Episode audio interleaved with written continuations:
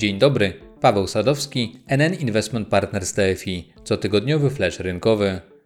Wstępne szacunki związane z kwietniowym powrotem zainteresowania klientów bardziej ryzykownymi produktami inwestycyjnymi, o których wspominałem w poprzednim flashu, potwierdziły się. Fundusze akcyjne pozyskały w zeszłym miesiącu najwięcej nowego kapitału od prawie 5 lat. Przewaga wpłat nad wypłatami wyniosła 600 milionów złotych. Najpopularniejsze produkty w tym segmencie mają jeden wspólny mianownik w postaci inwestowania w spółki wzrostowe, technologii i innowacji, które operują głównie na zagranicznych rynkach. Przy tej okazji warto zwrócić uwagę, że na przestrzeni ostatniej dekady wzrosty akcji za oceanem opierały się przede wszystkim na wspomnianych spółkach wzrostowych, growth, sektora technologicznego. Oczywiście spółki typu value, wartościowe, również uczestniczyły w tej hoście, ale w zdecydowanie mniejszej skali. Doprowadziło to do jednego z historycznie większych procentowych przesunięć kapitału w kierunku amerykańskich spółek wzrostowych, które rzadko wypłacają dywidendy, lecz cechują się ponadprzeciętnym tempem wzrostu biznesu. Ta olbrzymia dywergencja inwestorskiej sympatii w połączeniu z historycznie niskim poziomem stóp procentowych na świecie może podpowiadać, że w kolejnym cyklu kapitał zacznie przenosić się do pomijanego przez ostatnie lata segmentu spółek wartościowych, które cechują natomiast stabilne zyski i wysokie dywidendy. Powracając do zeszłomiesięcznych statystyk dotyczących polskiego rynku funduszy inwestycyjnych, to warto także odnotować, że produkty inwestujące na warszawskiej giełdzie znalazły również swoich zwolenników.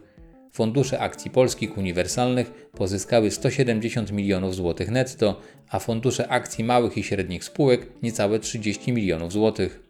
Kontekście zachowania polskich akcji to wypadałoby również wspomnieć o tym, że na przecenione spółki rzucili się też inwestorzy indywidualni. Według danych Krajowego Depozytu Papierów Wartościowych w marcu przybyło 29 tysięcy rachunków maklerskich, a w następnym miesiącu kolejne 18 tysięcy. Ten kwietniowy, nieśmiały powrót optymizmu wśród klientów funduszy inwestycyjnych nie zmienił jednak negatywnych tendencji zapoczątkowanych w marcu bieżącego roku, gdy klienci wypłacili z tych produktów ponad 20 miliardów złotych, głównie z funduszy dłużnych. Choć poprzedni miesiąc przyniósł istotne wyhamowanie umorzeń, saldo wpłat i wypłat wyniosło minus 2,6 miliarda złotych, to doszło do znacznych rozbieżności pomiędzy poszczególnymi produktami. Podczas gdy jedne notowały wysokie odpływy, inne cieszyły się sporym zainteresowaniem i to nierzadko w ramach tych samych kategorii. Sympatia klientów skupiła się przede wszystkim na tych rozwiązaniach, które pokazały w przeszłości odporność i przewidywalność wyników w okresie rynkowej zawieruchy. Potwierdzeniem takiego stanu rzeczy jest poziom sprzedaży produktów poszczególnych towarzystw funduszy inwestycyjnych. Kwietniowym liderem w tej kategorii zostało NN Investment Partners TFI. Na koniec, pozostając przy temacie szeroko pojętych funduszy oraz w nawiązaniu do poprzedniego komentarza, czyli różnic pomiędzy tym a poprzednimi kryzysami, chciałbym wspomnieć o kolejnej zaskakującej prerogatywie instytucji, która ma znaczący wpływ na zachowanie globalnych rynków finansowych. Bank Centralny Stanów Zjednoczonych, bo o nim mowa, złamał kolejny inwestycyjny szlaban zacznie kupować notowane na giełdzie jednostki funduszy dłużnych inwestujące w obligacje korporacyjne o ratingu inwestycyjnym. Za część pieniędzy zostaną zakupione również ETF-y posiadające w swoich portfelach tzw. Tak obligacje high-yieldowe. Takie działanie oznacza w praktyce, że Fed będzie gwarantował wysokie ceny obligacji korporacyjnych, umożliwiając dużym amerykańskim korporacjom zadłużanie się po niskim koszcie. Rentowność tych papierów nie będzie już warunkowana przez rynek, tylko przez skalę zaangażowania banku centralnego.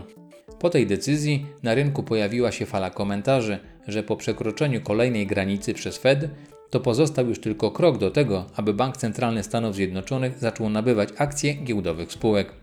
I choć teoretycznie wprowadzenie tego nowego narzędzia do walki ze skutkami kryzysu gospodarczego powinno wzmocnić inwestorski optymizm, to tym razem stało się inaczej. Dlaczego? Przewodniczący Rezerwy Federalnej Jerome Powell zasugerował w swoim szczerym wystąpieniu, że nawet nadzwyczajne działania ze strony Fedu mogą być niewystarczające, aby uchronić gospodarkę przed poważnymi stratami.